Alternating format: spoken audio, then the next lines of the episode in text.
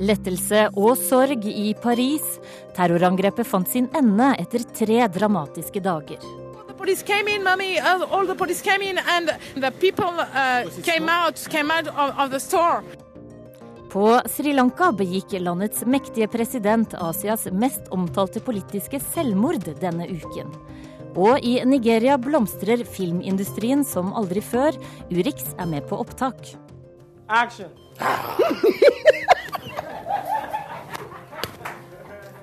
Ja, god formiddag, dette er Urix på lørdag. Jeg heter Hegemo Eriksen.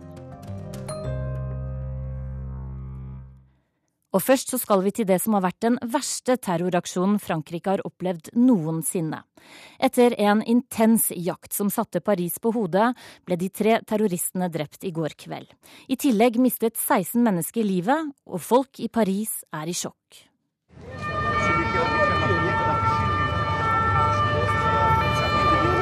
Yes, I was uh, in the phone with my uh, on the phone with my daughter, and she told me, "Mommy, there is a, a lot of uh, uh, guns, and uh, there is a, a lot of noise uh, like bomb." Sjokk, uh, fortvilelse, redsel, død og sorg. Denne uken ble hjertet av Paris rammet av terror. Ikke bare én gang, men to ganger. Uh, Det er ikke lett å håndtere for uh, et frihetselskende fransk folk. all the police came in, mommy. All, all the police came in, and suddenly the lot of uh, a lot of um, um, you know, sorry, I, am a in- little bit in panic, and uh, and the people uh, came out came out of, of the store, and uh, some people were uh, um, in the on the floor.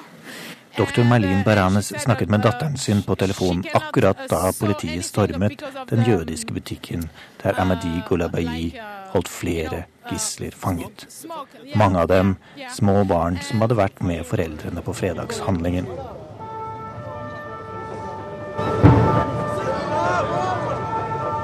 Folk som sto flere hundre meter unna, hylte og sprang.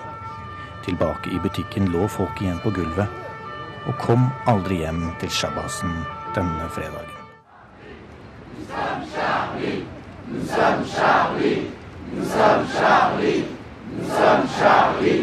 Denne uken har titusener samlet seg på Republikkplassen i sentrum av den franske hovedstaden. Der har de hyllet ytringsfriheten og stått sammen mot en felles fiende uten å vise frykt. I see you have a sign says "Not afraid." Why are you not afraid? because uh, we Fascism can't win. yeah We, we must be free. We must say what we want. We, we must love and just say what's wrong with this world. Det var dagen før den doble gisselaksjonen. Uh, this is a review medium with uh. Um, På sitt kontor viser islamisteksperten Francois Bernard Huget frem noen bøker i bokhylla si. Han tror Frankrike kan oppleve flere mørke uker i årene som kommer. For små terrorceller med f.eks. brødre er et fransk fenomen, mener doktoren i samfunnsvitenskap.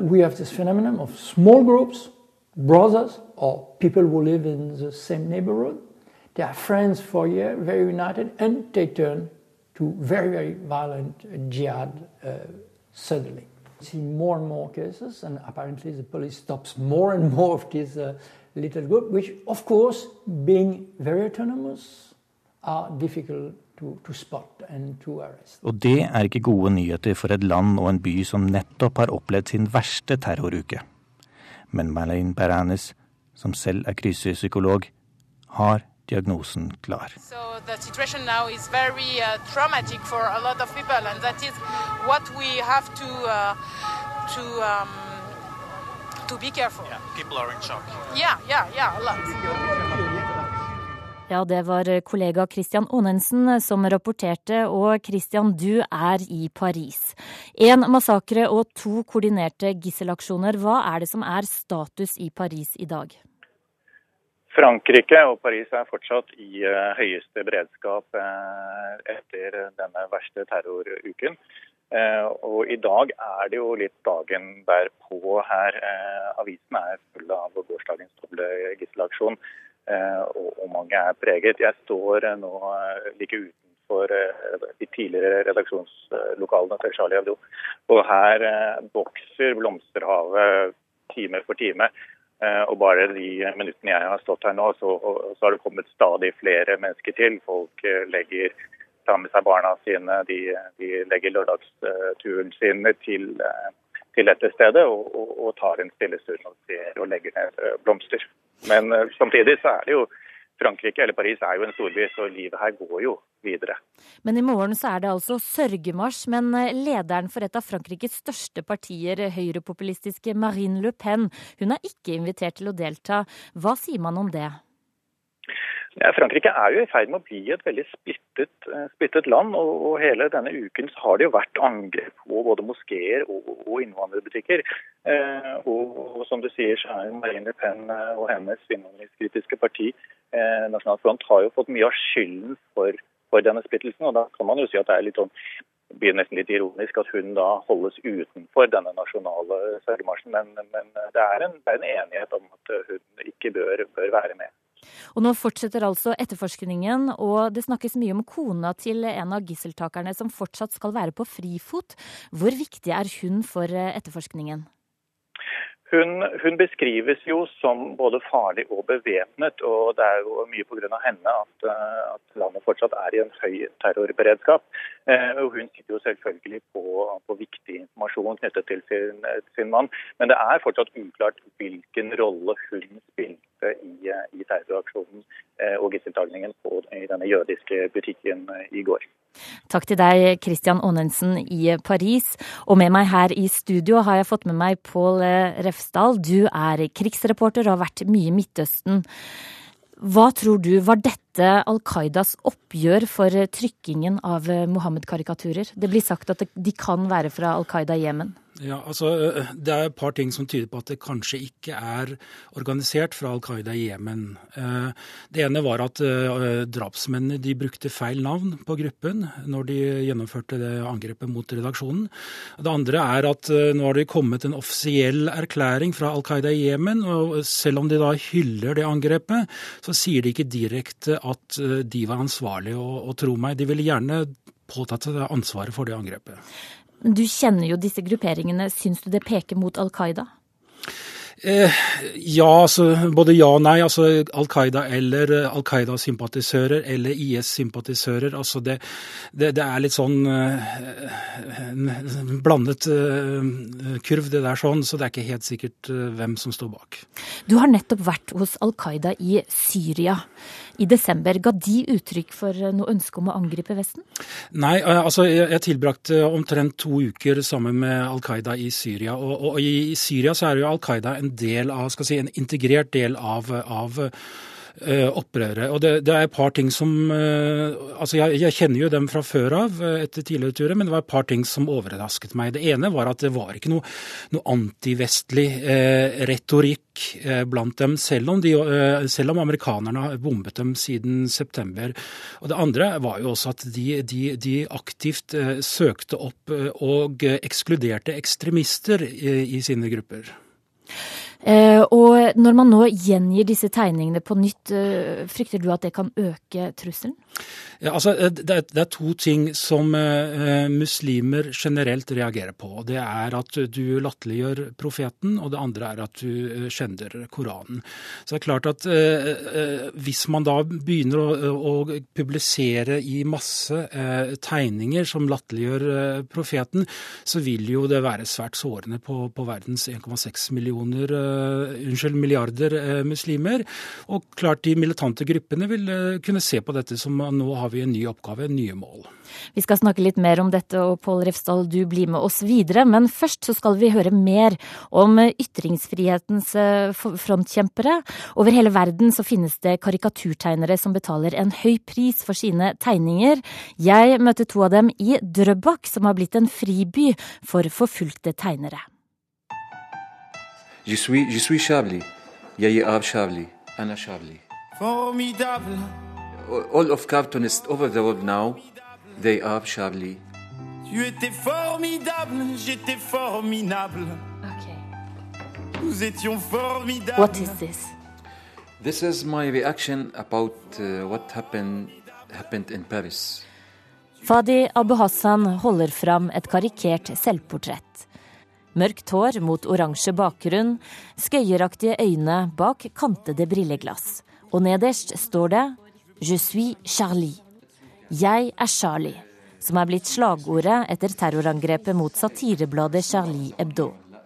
Fadi Abu Hassan er palestiner fra Syria og karikaturtegner. En ekte Charlie. Je suis Charlie. They, uh, they for, the pencil. Yeah. White pencil. You have your pencil with yeah. you. Yeah. It's white. De ville drepe bare for dette, sier Fadi og trekker opp en blyant av lommen. Den er hvit. Charlie Hebdo er ytringsfrihet, det er motstand mot ekstremisme, diktatur og religiøs undertrykkelse, sier Fadi. Je suis Charlie.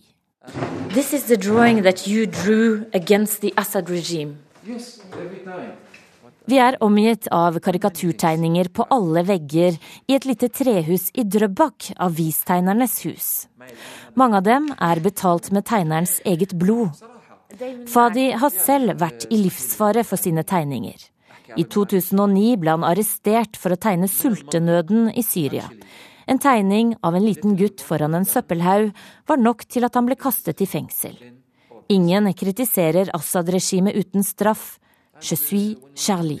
They, they arrested uh, me and uh, put me under, under, under Yes, uh, and, De puttet meg i et fangehull under jorden. De slo og torturerte i 80 dager, sier Fadi.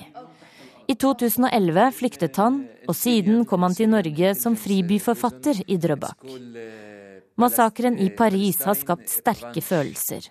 I am uh, not, not exactly afraid, but I am, uh, I am very angry. Why? Why killing uh, human beings? Just for... Jeg er ikke akkurat redd, men jeg er sint. Hvorfor drepe et menneske pga. en tegning? Bande de macaques, donnez-moi un bébé singe, il sera formidable. Um, har du noen tegninger her, eller? Ja, jeg har en tegning. Kanskje jeg kan vise deg. Ja. Arifur Rahman er 30 år gammel fra Bangladesh. Det er en av mine tegning som jeg ville arrestert pga. den. I 2007 laget han en tegneserie med en katt som het Mohammed. For det ble han kastet i fengsel. Je suis Charlie. Det er en del av helvete. Og der jeg ville Mange muslimer har prøvd å drepe meg. Inne i fengselet ble Arifur forfulgt av muslimer som ville ta livet av ham. Han ble slått så kraftig at det høyre øret ble ødelagt. Men for Arifur var det ikke meningen å fornærme profeten Mohammed. Han hadde bare tegnet en spøk. Drapene i Paris har satt en støkk i ham. En av tegningene hans viser en blodig elv fra Eiffeltårnet i Paris. Men Arifur gir seg ikke. Je suis Charlie. Tegning må være fri. Uttrykk blir fri. Så jeg tenker jeg skal fortsette å tegne for uttrykksfrihet. frihet. Ja, der hørte vi Arifur Rahman si at han ikke vil gi seg. Og på linje fra Ålesund har vi med Eirik Bergesen, forfatter og satiriker. Er du Charlie Hebdo? Jeg eh, prøver så godt jeg kan å, å, være Charlie, ikke minst i disse dager. Men så tror jeg nok vi må innse at um, det bare er Charlie som er Charlie. Uh, det er, er um, noe helt unikt. De er uh, både de uh, modigste og de flinkeste. Så blir jeg veldig ydmyk av å høre disse andre satirikerne som, som, da risikerer livet sitt, og som er villige til å betale enhver pris, på samme måte som Charlie var, for det de tror på. Så stiller jeg nok ikke lengst fremme i køen når det gjelder mot, men jeg har latt meg inspirere veldig og skal gjøre så godt jeg kan fremover. Hva betyr det? Hvordan blir du inspirert? Nei, altså klart at det å Satire er ikke bare å tråkke over eh, grenser. Det er også å, å, finne disse grensene, og så tråkke på dem. Um, og, og, det er jo den måten mange rundt omkring i verden holder seg unna fengselet. Altså de får, eh, får jobbe. Um, og det er jo et håndverk, dette. Um, uh, og i disse dager kan det virke som, som satire er, er, en ren provokasjon. Men, men selv om uh, Charlie var utfordrende, så, så, var det jo andre også i, i Frankrike som, som driver med, um, med den type rå, utfordrende, litt farlig humor som vi ikke kjenner så godt uh, i Norge. Og, og, det er Eh, og det er klart at, at eh, de, eh, det vi risikerer i Norge, er jo stort sett sure politikere. Og det skal vi også tørre å risikere. fordi det er ikke alltid den kanskje litt mer maktlojale mediene er, er klare for, for, det samme. Mm. Og vi ser jo sånn som i, etter 11. september i, i USA at Eh, det var ikke bare terroren som skapte problemer der, men det var responsen på terroren. ikke sant? Det var det fryktsamfunnet man skapte. Um, og, og, og, det er kanskje satirikere sånn som Daily Show eh, vært de flinkeste til å, til å påtale. Men nå blir det jo tatt til orde for å publisere Mohammed-tegningene, og, og, noen mener sågar at man må, bør massepublisere dem. Hva syns du, bør man det? Nei, altså jeg, jeg syns at uh, man skal tenke seg litt om. Åpenbart skal man eh, publisere disse bildene som Charlie Hebdo eh, har, har, brukt, som er vært grunn for det som nå har skjedd. Fordi det har en journalistisk interesse. Så skal vi vite at mange av de bildene er, altså, har de tegnet av muslimer. Alle de er ikke, er ikke Mohammed. Eh, og det, det, geniale grepet eh, de gjorde, var jo selvfølgelig denne tegningen hvor, hvor Mohammed eh, har da hendene eh, foran ansiktet og sier at det er hardt å være elsket av slike idioter. Um, mens, eh, mens, disse bildene som, som da Jyllandsposten trykket i sin tid, det hadde sin kontekst. Eh, det dreide seg om at de ikke klarte å finne illustratører til, til en artikkelserie om Mohammed. Mm. Men å nå trykke de igjen uten kontekst, og også denne, dette bildet med, med da bomben i, i turban, vet jeg ikke om han er tjent med. Eh, dette så det kom litt an på måten man gjør det på, rett og slett? Ja, John Stewart var ute denne uken og sa at uh, humor er, er, mer enn bare å, å vise mot. Mm. Um, og det skal vi også, også, tenke på. Og det er klart at uh, vi som jobber med satire, vi, vi, vi, vil jo folk skal le litt av dette her òg, da. Og vi vil jo gjerne at, at, de vi tøyser med, skal le litt av det. Kanskje at de skal innse paradoksene i, i, i liv og lære. Uh, og, og, det blir veldig gravalvorlig denne uken her. Det er, det er ikke bare mot det dreier seg om. Pål Refsdal, du er jo muslim og ler kanskje ikke så mye av Mohammed-karikaturer. Syns du man verner om ytringsfriheten ved å trykke disse? Altså jeg sier, eh, eller jeg syns det, det mannen fra Ålesund sa nå var svært fornuftige ord. Altså Vi må finne grensene, og det må jo være en grense eh, hvor vi ikke på en måte, støter folk altså Gjerne myndighetspersoner kan vi jo gjerne støte, men skal si vanlige folk, der skal vi være forsiktige. Og Det er jo, det er jo forskjellig i, fra forskjellige grupper i verden. altså eh, I islam så er det profeten, det er Koranen som er no go area. Jødene så kan det jo være jødeutryddelsen. altså Jeg tror ikke en karikaturtegner vil gjøre narr av jødeutryddelsen. Afrikanere, hudfargen, begynner vi å lage karikaturer av afrikanere slik de ble fremstilt på 18 1800-tallet? Nei, det gjør vi ikke. Så det er ikke snakk om å, å vise frykt, det er snakk om å, å, respektere andres følelser, tror jeg. Ja, Mener du at vi spøker for mye med islam, i motsetning til andre religioner? Kanskje, kanskje, ikke, men i islam så er det som sagt disse, disse røde klutene, disse to røde klutene. Eh, og det er, altså Alle folkeslag har forskjellige ting de reagerer på. Eh, hvis vi hadde f.eks. skulle gå over streken i Norge, eh, hadde man begynt å latterliggjøre de, de, nordmenn som falt under krigen, så klart da hadde vi fått en voldsom reaksjon her i landet også. Så det er bare snakk om hvilken knapper skal man ikke trykke på. Eirik Bergesen, eh, nå vet vi jo at eh, terrorister, i hvert fall i Paris, har hatt øynene langt inn i redaksjonslokalene. De visste jo at det var redaksjonsmøte denne dagen i Charlie Hebdo. Hvordan blir du påvirket av det som skjer, blir du redd? Eh, nei, jeg kan ikke opphøye meg til å si at, at, at jeg lager satire som gjør at jeg eh, blir redd. Eh, det er mer redd for at jeg skal eh, gjøre som Hans Olav Lahlum og falle ned fra denne stolen eh, og slå meg. Jeg tror ikke noen er ute etter å, ute etter å ta meg. Samtidig så, så, som Refdal sier, at man skal være forsiktig med å trykke på disse knappene. Vel, det er jo det som er morsomt da, med satire, å trykke på disse knappene. Og så skal vi tåle veldig godt at noen eh, blir sure, at noen blir krenket. Eh, og så krenker man ikke for å krenke. Det er en, er en bieffekt av av satiren. Mm. Um, um, men, men, det er også noen som velger å la seg bli krenket også. Og vi skal huske på at dette er også, også politikk. Jeg er ikke sikker på om disse gjerningsmennene eh, gråt seg i søvn om natten pga. at noen hadde tegnet Mohammed. Um, jeg, jeg, jeg, tror også dette er en, er en, politisk markering, og det er altså ikke slik eh, at, at eh, satirikere eh, måte, lar seg eh, at, at, de på en måte svever mellom liv og død eh, til enhver tid. Så farlig er det ikke. Eh, Nei. Dette var dessverre det vi rakk eh, nå, men denne debatten fortsetter garantert. Takk for at dere var med i Urix i dag, Eirik Bergesen og Pål Refsdal.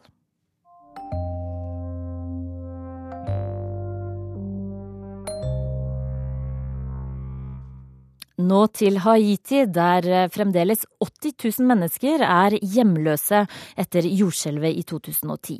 Hjelpearbeidere strømmer til, men gjenoppbyggingen har gått sakte, i likhet med den politiske utviklingen i landet.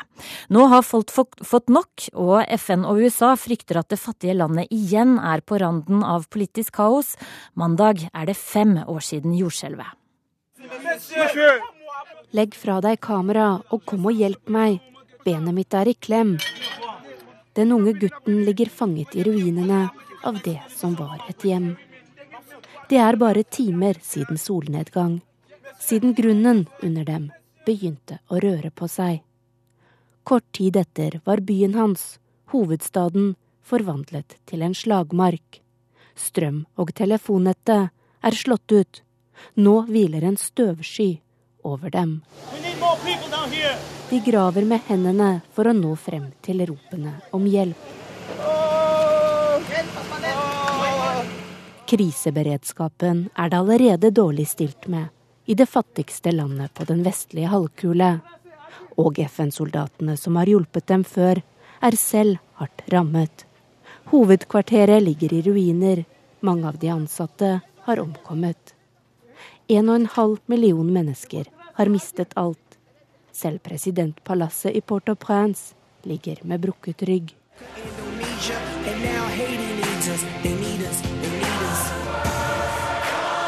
En hel verden mobiliserer for å hjelpe Haiti, blant dem amerikanske musikere.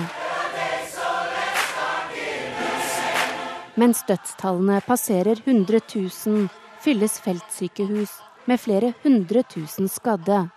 Det store spørsmålet nå er hvilken politiske leder som kan klare å gjenreise Haiti.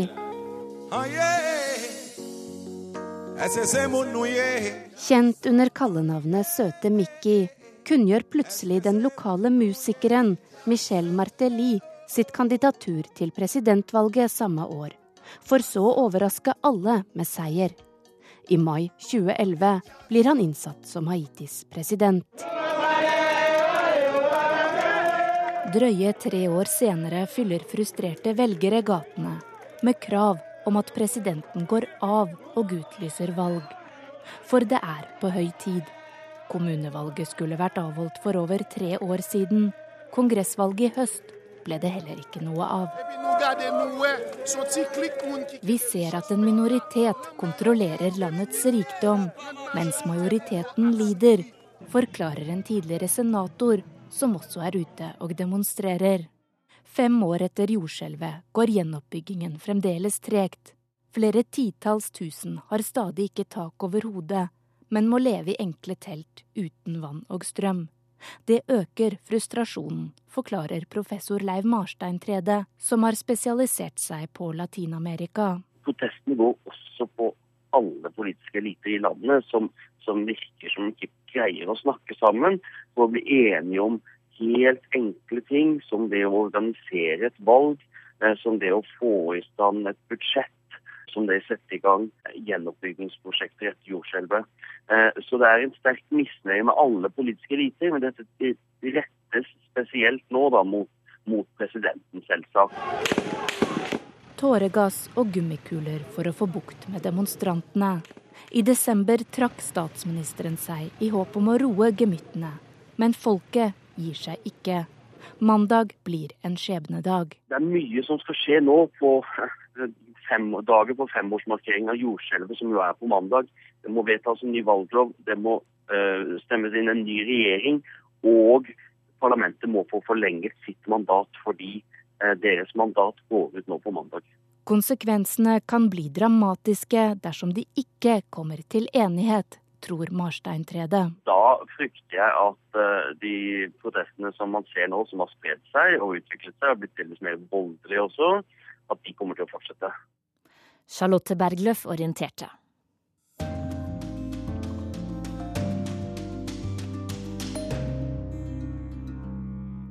Denne uka var det slutten for en av topplederne i den fryktede militsen Herrens motstandshær. Dominique Ongwen ble tatt i Den sentralafrikanske republikk. Nå venter utlevering til Haag og Den internasjonale straffedomstolen. Og kanskje trekker kommandant Dominique et lettelsens sukk etter 25 år som ettersøkt Bush-soldat. Det tenker i hvert fall kollega Tom Christiansen. Det var i 1990. Den foreldreløse gutten hadde sko på beina og var på vei til skolen. Foreldrene var døde, men han ble tatt hånd om av slektninger. Da sto en gruppe tilsjaskede soldater fra Herrens motstands hær midt i veien. De tvang ham inn i skogen, der ventet andre vettskremte unger. De visste ikke hvor de gikk og hvor de skulle. Noen gråt og fikk seg et spark i siden. De var bortført. Etter flere dager kom de til en leir med flere gutter og noen jenter. Soldatene kalte dem sammen til bønn og besvergelse. Det ble tegnet et kors på deres bryst, så de skulle være beskyttet mot kuler. Deretter fikk de et gevær som var for tungt, og beskjed om å drepe. Og de skjøt. Det var et rituale. Slik startet Dominiks karriere som barnesoldat. Da han ble 18 var han major, ti år seinere brigader.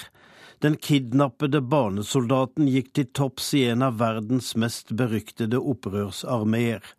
De andre kommandantene er blitt drept, enten i kamper eller av lederen Joseph Coney selv, men Dominic visste alle etter hvert var usårbar.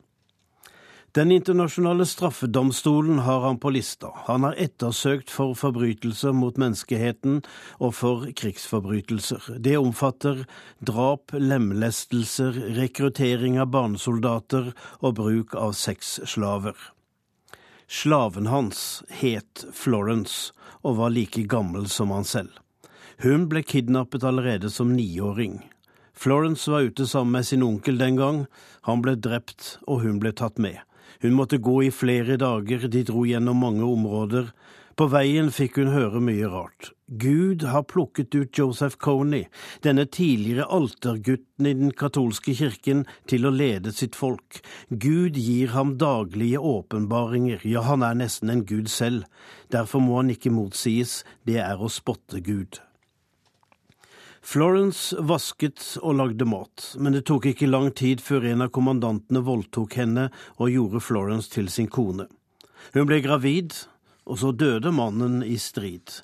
Da ble hun tildelt en ny mann, han hadde allerede en kone, og han het Dominic. Det ble mange barn av det. Hun ble misbrukt og misbrukt, men hun fikk mat siden hun var kommandantens sexslave, mat og beskyttelse, ja, så tett var vaktholdet at det var umulig å rømme. Dominic var den yngste kommandanten og den vakreste, hans milde øyne og velformede munn ble lagt merke til. Etter hvert fikk han Coneys fortrolighet og barnesoldatenes beundring, for han ble ikke såret i strid, han var beskyttet av Gud. De skulle vinne krigen og innsette en ny regjering i Uganda. Grunnloven skulle erstattes av de ti bud, og landet styres etter bibelske historier. Grisen var et urent dyr, derfor kunne de drepe alle som åt svin. Syndefloden man kunne drepe det som var synd, og etter hvert drepte de 100 000 mennesker. 60 000 kidnappede barnesoldater rykket fram, Dominique hadde sine soldater. De stormet landsbyer og stjal all maten. De voldtok kvinnene og mishandlet folk, ja, til avskrekkelse skar de av nesene og ørene. Og så kidnappet de nye barn til sex og drap. En dag angriper ugandiske soldater. I forvirringen rømmer Florence med tre av sine barn og livvaktene. Eldstegutten blir drept, resten løper for livet. Hun kommer seg i dekning og overgir seg. Hun blir tatt hånd om og avhørt. Tilbake sto Dominic uten kone. Herrens motstandshær hadde for lengst rømt fra Uganda, nå drev de rundt i Kongos dype jungel. Fikk Dominic nok? Ga han opp? Florence sitter i Gulu og lengter etter barnas far. Hennes familie ville ikke ha noe med henne å gjøre, ikke med barna hennes heller. Dominics familie har hun kontakt med. De håper gutten en dag vil komme hjem. Florence lever fra hånd til munn. Hun er analfabet og får ikke jobb. Hun bærer vann for folk og vasker gulver. Hun har ikke råd til te, og barna får kjøtt en gang i måneden. De venter på far. Måtte han bare komme ut av bushen, tenker Florence, at han måtte bli tilgitt og kan ta hånd om sin familie. Finnes det nåde i verden? Det spørsmålet skal Florence en dag få svar på av den internasjonale straffedomstolen i Haag.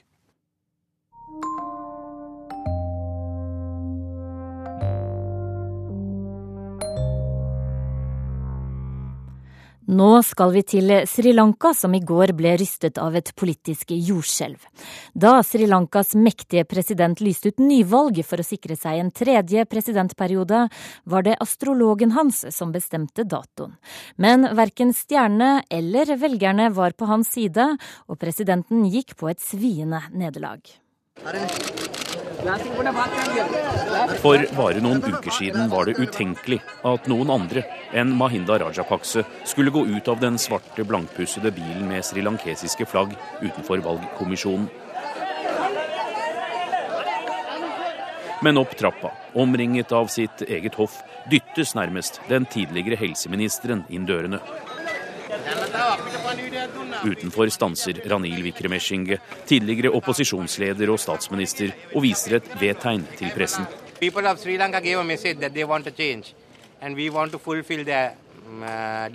Folk vil ha endring, og det skal vi sørge for, sier han.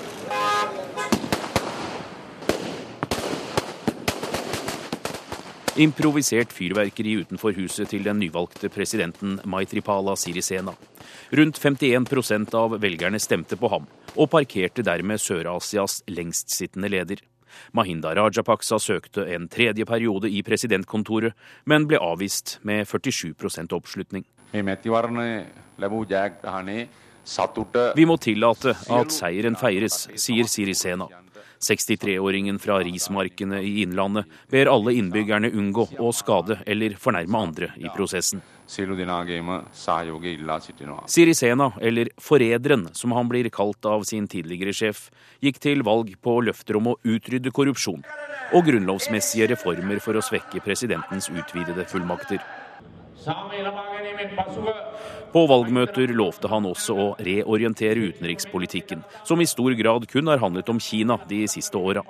Men han vil også legge en beskyttende hånd over Mahinda Rajapakse, som anklages for krigsforbrytelser da borgerkrigen gikk inn i sin siste militære fase i 2009. Rajapaksa har nektet å samarbeide med FN, som gransker angivelig drap på 40 000 sivile tamiler. Og siden den omstridte militære seieren over tamilgeriljaen, har han kranglet med Vesten om menneskerettigheter og forsoning med det tamilske mindretallet. Dette er Hong Lei talsmann for Kinas utenriksdepartement, som gratulerer Sirisena med seieren og ønsker ham lykke til videre med Sri Lankas utvikling. Kinesiske investeringer siden borgerkrigens slutt har gjort at Sri Lankas økonomi i gjennomsnitt har vokst med 7% i året. Også Indias statsminister har ringt og gratulert sin nære venn og nabo, mens USAs utenriksminister har skrytt av hvordan Rajapaksa har akseptert dommen til øyas 15 millioner velgere.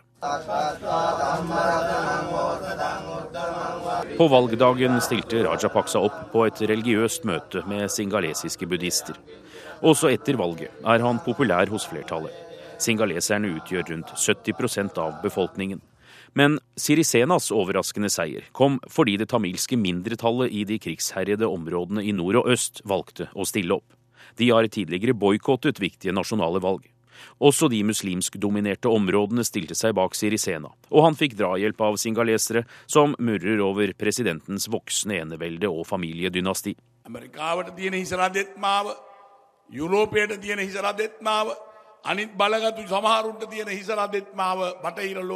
Rajapaksa tar nok en prat med stjernetyderen sin igjen. Astrologen har fungert som en rådgiver og den som anbefalte dato for presidentvalget. Rajapaksa utlyste nyvalg to år før han trengte, selvsikker på at en delt opposisjon ikke ville samle seg rundt en troverdig kandidat. Men han så ikke for seg at den relativt ukjente helseministeren Sirisena, som han den ene kvelden delte et tradisjonelt måltid med, neste dag skulle vende ryggen til og kunngjøre at han ville utfordre sjefen. Anders Tvegård rapporterte. Og med oss er Asia-korrespondent Peter Svaar. Rajapaksa tapte altså nyvalget han selv skrev ut eh, to år for tiden. Hvordan kunne dette skje? Det spørsmålet stiller nok også mange i kretsen eh, rundt ham nå, for dette ble et valgsjokk.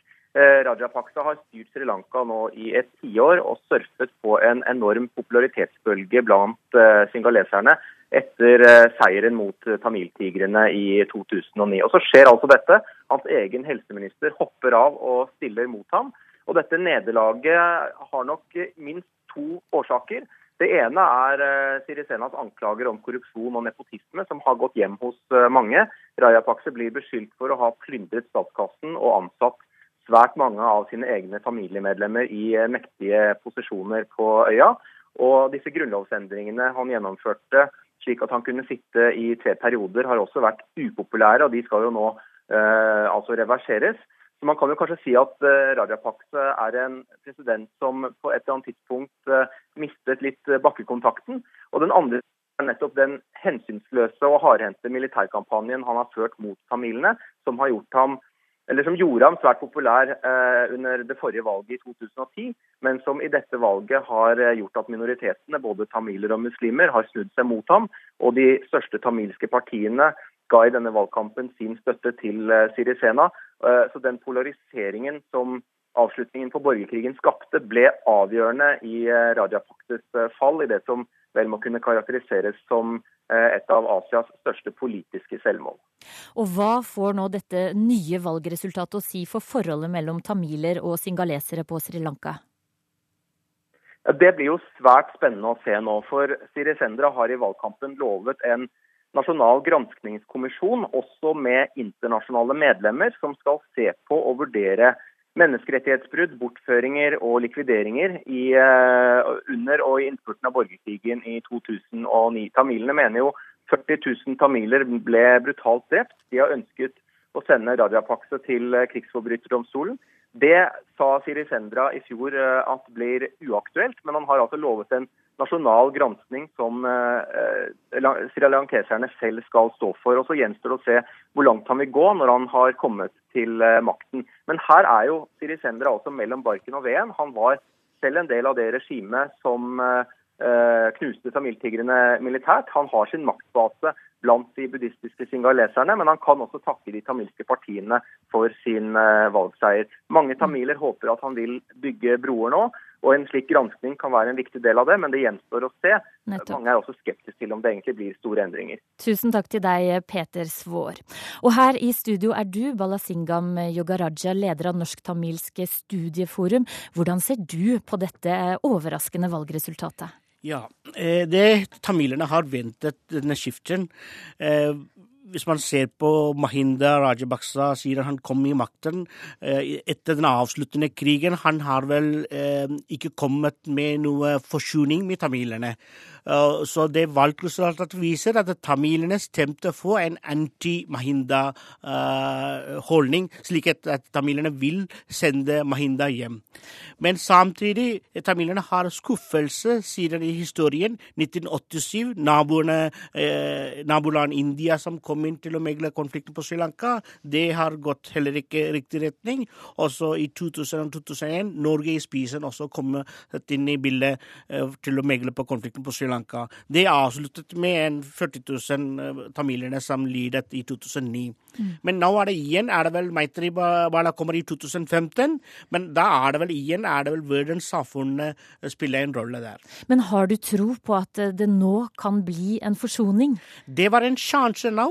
Akkurat som jeg sa det vel 1987, vi hadde hatt sjanse, og 2001 folk på Sri Lanka hadde hatt sjanse. Nå i 2015 de har en sjanse til å gripe inn hardt. Men da er det vel igjen eh, tamilene som du ser på valget, de har stemt godt. Mer enn 650 000 eh, tamiler i nord og øst får eh, en endring. Endring, det vil si at eh, de signaliserer folk på Sri Lanka at vestlige verden. Fordi av og til en del tamiler har sagt at dette er en valg mellom mellom Kina og USA. Fordi i de siste ti årene Mahinda har vært et veldig tilnærmet forhold til Kina.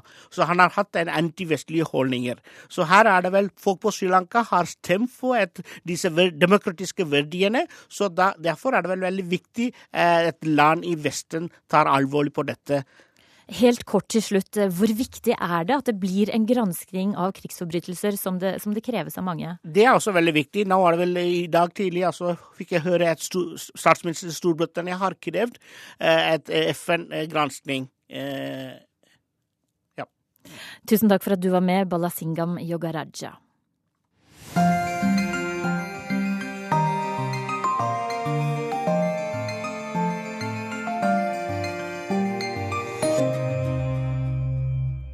Nigeria er et land med store kontraster. Denne uka utførte Boko Haram angrep i nordøst som trolig er de mest dødelige fra gruppen noensinne. Men det er langt fra kamphandlingene i nord til det økonomiske kraftsenteret Lagos i sør. Her blomstrer særlig filmindustrien, som går under navnet Nollywood. Send 40 master shot, take one. Action! Regissøren tørker svetten av pannen med et frottéhåndkle. Han har ikke tid til slik latter og moro på settet. Opptakene til en hel spillefilm skal gjøres på bare ti dager.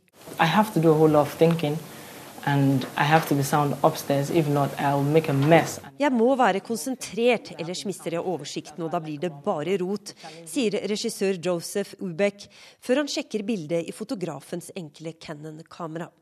Han er en mann med tynn bart i et smalt ansikt. Det er den digitale revolusjonen på 90-tallet som er grunnsteinen i Nigerias filmindustri. Billig, bra utstyr gjorde det mulig å lage spillefilm på sparebluss. En Nollywood-film koster rundt 100 000 kroner å lage. Du kan få 250 slike for en norsk film som Jul i Flåklypa. Vi er i et dunkelt soverom. I senga med rosa sengetøy ligger skuespiller Ngozi Etchems. Hun spiller en kvinne som har latt seg forføre av demoner og det okkulte. Mrs. Kelvin is a supposedly Christian woman. Mrs. Calvin er egentlig en kristen kvinne, men går inn i det okkulte for å skaffe seg selv og familien penger, et bedre liv, forteller Ngozi. I scenen som spilles inn, står hun ved siden av sengen og utfører et slags hekserituale. Hun stirrer rett frem, armene går ut til siden.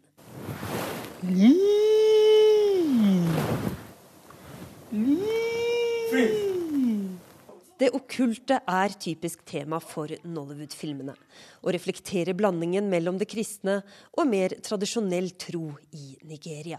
It is said if you walk into a house and you see a cobweb around, most people, due to their superstitious belief, they tend to like ah, take, take it away. You don't know witches, wizards, they might be hanging in there. Det sies at hvis du oppdager et edderkoppnett i huset ditt, så betyr det ulykke, sier regissøren, og legger til at denne frykten er typisk for nigerianernes overtro, en frykt han ønsker å portrettere i filmen. Drømmen om et bedre liv er også et typisk tema for Nollywood-filmene. I Lagos er det skyskrapere og slum side om side. De økonomiske forskjellene er store. Skuespillerne er stjerner her. Vi møter en av de største på filmsettet, Ken Godfrey Achionye, en selvsikker mannlig diva. God that gave it to me. You know, I, I, delivery. You give me lines, you know, I, I deliver, I can interpret that particular line, I can interpret the role, and uh, alle elsker det jeg gjør, sier Gottfried, og legger til at det ikke er tilfeldig at det nettopp er i Nigeria at filmindustrien har blitt så stor.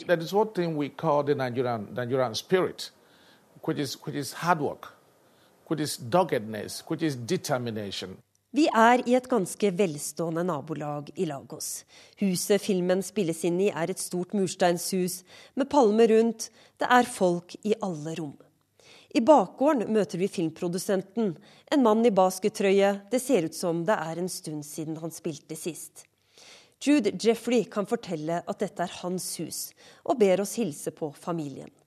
Alle opptakene til filmene hans foregår i huset. Jeg liker å bruke huset mitt, det er stort, praktisk og flott. Jeg vil vise verden at afrikanere ikke er fattige folk, sier Jeffrey. Han har tjent seg rik, men Nigeria tjener også på filmindustrien. Nollywood er landets nest største arbeidsgiver etter jordbruket, og sysselsetter over én million mennesker. En film koster åtte kroner på gaten i Lagos. Hver uke kommer det over 50 nye titler ut i salgsbodene, noe som gjør Nollywood til verdens nest største filmindustri, bare slått av indiske Bollywood. Filmene er populære over hele kontinentet. De selges også på markedene i London. Really? Og som i Hollywood går det også her som oftest bra til slutt. Got it, got it, got it.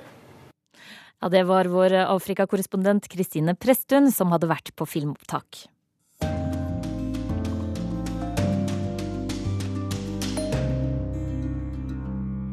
Ukas korrespondentbrev kommer fra Morten Jentoft i Moskva, som synes byen har endra seg til det bedre. For det har vært store forandringer siden sist han var korrespondent. Har Moskva forandret seg mye? Dette spørsmålet får jeg nesten hver dag fra folk jeg snakker med, både nordmenn og russere. Og svaret jeg gir er alltid det samme. Ja og det til det positive. Dette kan kanskje høres litt merkelig ut i en tid da det mest er negative nyheter som kommer ut om situasjonen her i vårt østlige naboland. Men jeg har tenkt å fortelle dere litt om hvordan jeg har opplevd å komme tilbake til en by jeg brukte fire år på i slutten av 1990-tallet. Den første forandringen som de fleste som kommer hit med fly merker, er de helt nye flyplassterminalene. Og hvor viktig er ikke førsteinntrykket når du kommer til et nytt land? Og her har russerne virkelig gjort stormskritt framover i forhold til hvordan det var her på 1990-tallet. Den gangen kunne det være et sant mareritt å ankomme, og for så vidt også dra fra Sjeremetjevo-flyplassen nord for Moskva.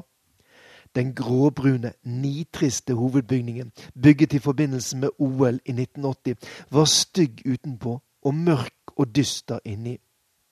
I tillegg var den preget av dårlig skilting, lange køer og ofte svært lite imøtekommende passkontrollører og tollbetjenter. Mange ganger var man helt utslitt før man kom fram til selve utgangen. En korrespondentkollega fortalte meg at han alltid la inn litt ekstra tid for en øl på flyplassens irske pub for å roe seg ned etter møtet med det russiske flyplassbyråkratiet. Nå har Sjeremetjevo, i likhet med de to andre hovedflyplassene i Moskva, Vnukovo og Domodedovo, fått helt nye terminaler. Turen gjennom pass og toll går stort sett helt greit, og bagasjen kommer også fort på båndet. Unntak er det selvfølgelig. Noen av mine nyttårsgjester fortalte meg at de fikk minner om gamle dager, da den kvinnelige passkontrolløren plutselig begynte å spørre om alderen som sto i passet, virkelig stemte. Inn til byen reiser man så med de nye flytogene. Alle flyplassene har fått egne togterminaler som på vel en halvtime frakter oss inn til sentrum av Moskva. Derfra er det mulig å reise videre med metroen Undergrunnsbanen. Aeroexpress, som flytoget kalles, er kanskje ikke verdens raskeste, men det er likevel en revolusjon i forhold til tilstandene for 10-15 år siden, der det å rekke et fly kunne være et sjansespill pga. de endeløse køene, som ofte var helt uforutsigbare. En tur med bil ut til Sheremetjevo-flyplassen kunne ta to til tre timer. Nå vet du nøyaktig hvor lang tid det tar å reise, og kan planlegge etter avgangene med flytoget. Og velger du en drosje inn til byen, noe jeg gjør av og til når jeg kommer med den ene av de to direkteavgangene som flyselskapet Aerop har fra Oslo, og som lander klokken fire om natten, ja, så kan du bestille denne drosjen enkelt med et par tastetrykk over mobilen før du reiser. Så står drosjen der og venter. Regningen er allerede belastet kredittkortet, og det er slutt på pruting og krangling om prisen. Jo da, jeg vet at slik er det også mange andre steder i verden, men for meg som bor her i Moskva, er dette en stor og positiv forandring i forhold til situasjonen på 1990-tallet. Jeg nevnte metroen. Den har i mange år vært Moskvas stolthet, og gjerne noe vi utlendinger som bor her i Moskva, viser fram når vi har gjester på besøk. Majakovskij og Kiev-stasjonene er som dykk ned i russisk og sovjetisk historie. Like før nyttår kom så meldingen om at du nå kan surfe gratis på metroens eget trådløse internett. Riktignok må du ha en mobiltelefon som er registrert her i Russland. Gratis wifi er ellers blitt en selvfølge nesten overalt her i den russiske hovedstaden. Selv den minste kafé må reklamere med dette for å få gjester. Og Russland har i løpet av svært kort tid tatt steget inn i de sosiale mediers verden med stormskritt. Da opposisjonspolitikeren Aleksej Navalnyj på lille nyttårsaften brøt husarresten for å delta på en støttedemonstrasjon for seg selv, tvitret han om det han gjorde nettopp fra en vogn på metroen. Biltrafikken er fremdeles et stort problem mange steder i Moskva, og jeg unngår så godt jeg kan å bruke bil når jeg skal bevege meg rundt i byen. Men også her har det skjedd forandringer de siste ti årene. Da jeg bodde her første gang, var det å kjøre bil i Moskva et sjokk, ofte nærmest en kamp for å overleve, der loven om den sterkes rett var den som rådde. I løpet av få år hadde bilparken da økt dramatisk uten at det var gater og parkeringsplasser til alle. Parkering skjedde der det var mulig, ofte inn på fortauet eller midt ute i veien. Nå har store deler av sentrum av Moskva blitt parkeringsavgiftssone, der folk oppfordres til kun å bruke mobiltelefoner til betaling. Myndighetene har utrustet en hær av små kranebiler som raskt fjerner dem som står feilparkert. Så raskt skjer dette at det er blitt en stor politisk sak, der regelverket nå er forandret slik at du har rett å få bilen din tilbake hvis den ikke er tjoret helt fast. Og kanskje enda mer overraskende og positivt, syklene er i ferd med å bli en del av gatebildet i Moskva. For en som bodde her på 1990-tallet, høres det helt utrolig ut, fordi myke trafikanter den gangen var mer eller mindre fritt vilt. Nå har syklistene fått sine slagkraftige organisasjoner, og flere steder er det kommet sykkelveier, bl.a. på Pjatnitskaja-gaten, som går ikke langt fra her jeg bor, inn mot Kremlborgen ved Moskva-elven. Gjennom den store Gorkiparken er det også laget en ny, flott sykkelvei langs elvebredden, og flere steder er det muligheter for å leie sykler. Nå må jeg si at dette først og fremst er starten på noe som kanskje kan bli en positiv utvikling for en by som må ha vært en av de mest sykkelfiendtlige storbyene i verden. Men det er rart hvordan noen sykkelveier og gågater kan forandre en by og gjøre den mer tiltalende og hyggeligere å ferdes i. Pjatnitskaja-gaten har røtter tilbake i det 15. århundre, da Moskva ekspanderte sørover fra Kremborgen. I dag er det en av de mest interessante gatene å ferdes på i Moskva, med en rekke nyrestaurerte kirker og historiske bygninger, og masse spennende restauranter. Selv nå i vinterkulden er det alltid masse folk som rusler rundt her. Igjen har ombyggingen til myke trafikanter gjort underverker og skapt et nytt rom for oss som bor her i byen. Allerede på slutten av 1990-tallet var Moskva i ferd med å etablere seg som en spennende restaurantby, med tilbud som man ikke fant mange andre steder i Europa. Tvilsomme sovjetrestauranter med én rett på menyen og kelnere som var mest interessert i å veksle penger eller selge svart kaviar, var borte. Nye steder, ofte i halvferdige, litt primitive lokaler, åpnet hver uke, og jeg ble spesielt glad i de små kafeene med mat fra Kaukasus, da først og fremst fra Georgia. I dag framstår Moskva som et mekka for dem som er ute etter å prøve ny, spennende mat. Selv om jeg ofte vender tilbake til min georgiske stamkafé fra slutten av 1990-tallet, Goria, i nærheten av Park Kulturi metrostasjonen. Her vet jeg alltid hva jeg får. Småretter laget av grønnsaker og bønner, og selvfølgelig det uunngåelige ostebrødet hachapuri. Og etter at forholdet mellom Russland og Georgia har normalisert seg, så er det også mulig å få tak i god georgisk vin, gjerne tørr mokoshani. Selvfølgelig finnes det også et vell av restauranter og kafeer med internasjonalt kjøkken i Moskva, som serverer mat du kan få både i Berlin og Paris. Men det er kjøkkenet fra forskjellige områder i det tidligere Sovjetunionen som gjør forskjellen for Moskva som matby, synes jeg i alle fall. Og er du ute etter det virkelig eksotiske, så finnes det som trolig er en av verdens få nordkoreanske restauranter, utenom Nord-Korea da, her i Moskva. Karyo Pyongyang, som betyr noe sånn som Koreas Pyongyang, er selvfølgelig et sted for de spesielt interesserte. Men da jeg var innom nå etter nyttår, kunne jeg konstatere at de har både god og spennende mat, og usedvanlig hyggelige og vakre serveringsdamer. Mat er i det hele tatt ikke noe problem her i Moskva, noe det i prinsippet heller ikke var for oss som bodde her på slutten av 1990-tallet. Forskjellen er bare at vi den gangen ofte måtte kjøre lange veier for å finne butikker med et skikkelig utvalg.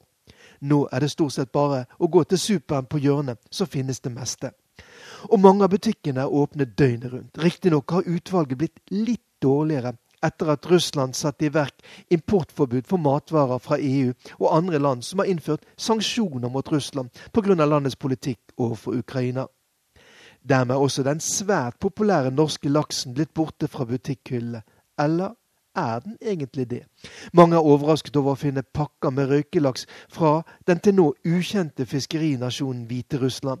Ryktene forteller at en del av den norske laksen nå går via det slaviske nabolandet i vest, som er i tollunion med Russland. Uansett kan jeg som forbruker ikke merke noen stor forandring pga. sanksjonene. Det ser ut til at russiske produsenter i alle fall til en viss grad har klart å fylle hullene etter de europeiske produkter som er blitt borte, selv om prisene har steget noe. Dette er altså Moskva ved starten av 2015. Selvfølgelig ikke hele bildet. Og noen av dere lyttere vil kanskje si at NRKs korrespondent skjønnmaler situasjonen i en hovedstad og i et land der det demokratiet som vokste fram i Russland på 1990-tallet, er truet fra mange kanter. Men akkurat den siden av Russland skal jeg nok komme tilbake til en annen gang. Morten Jentoft, Moskva. Ja, det var det vi hadde å by på i Urix på lørdag. Vi er tilbake på TV til uka, som vanlig på NRK2 22.30. Teknisk ansvarlig i dag var Rune Skogstø Bryne. Skript Tove Nilsen Søtorp. Og i studio jeg, Hege Moe Eriksen.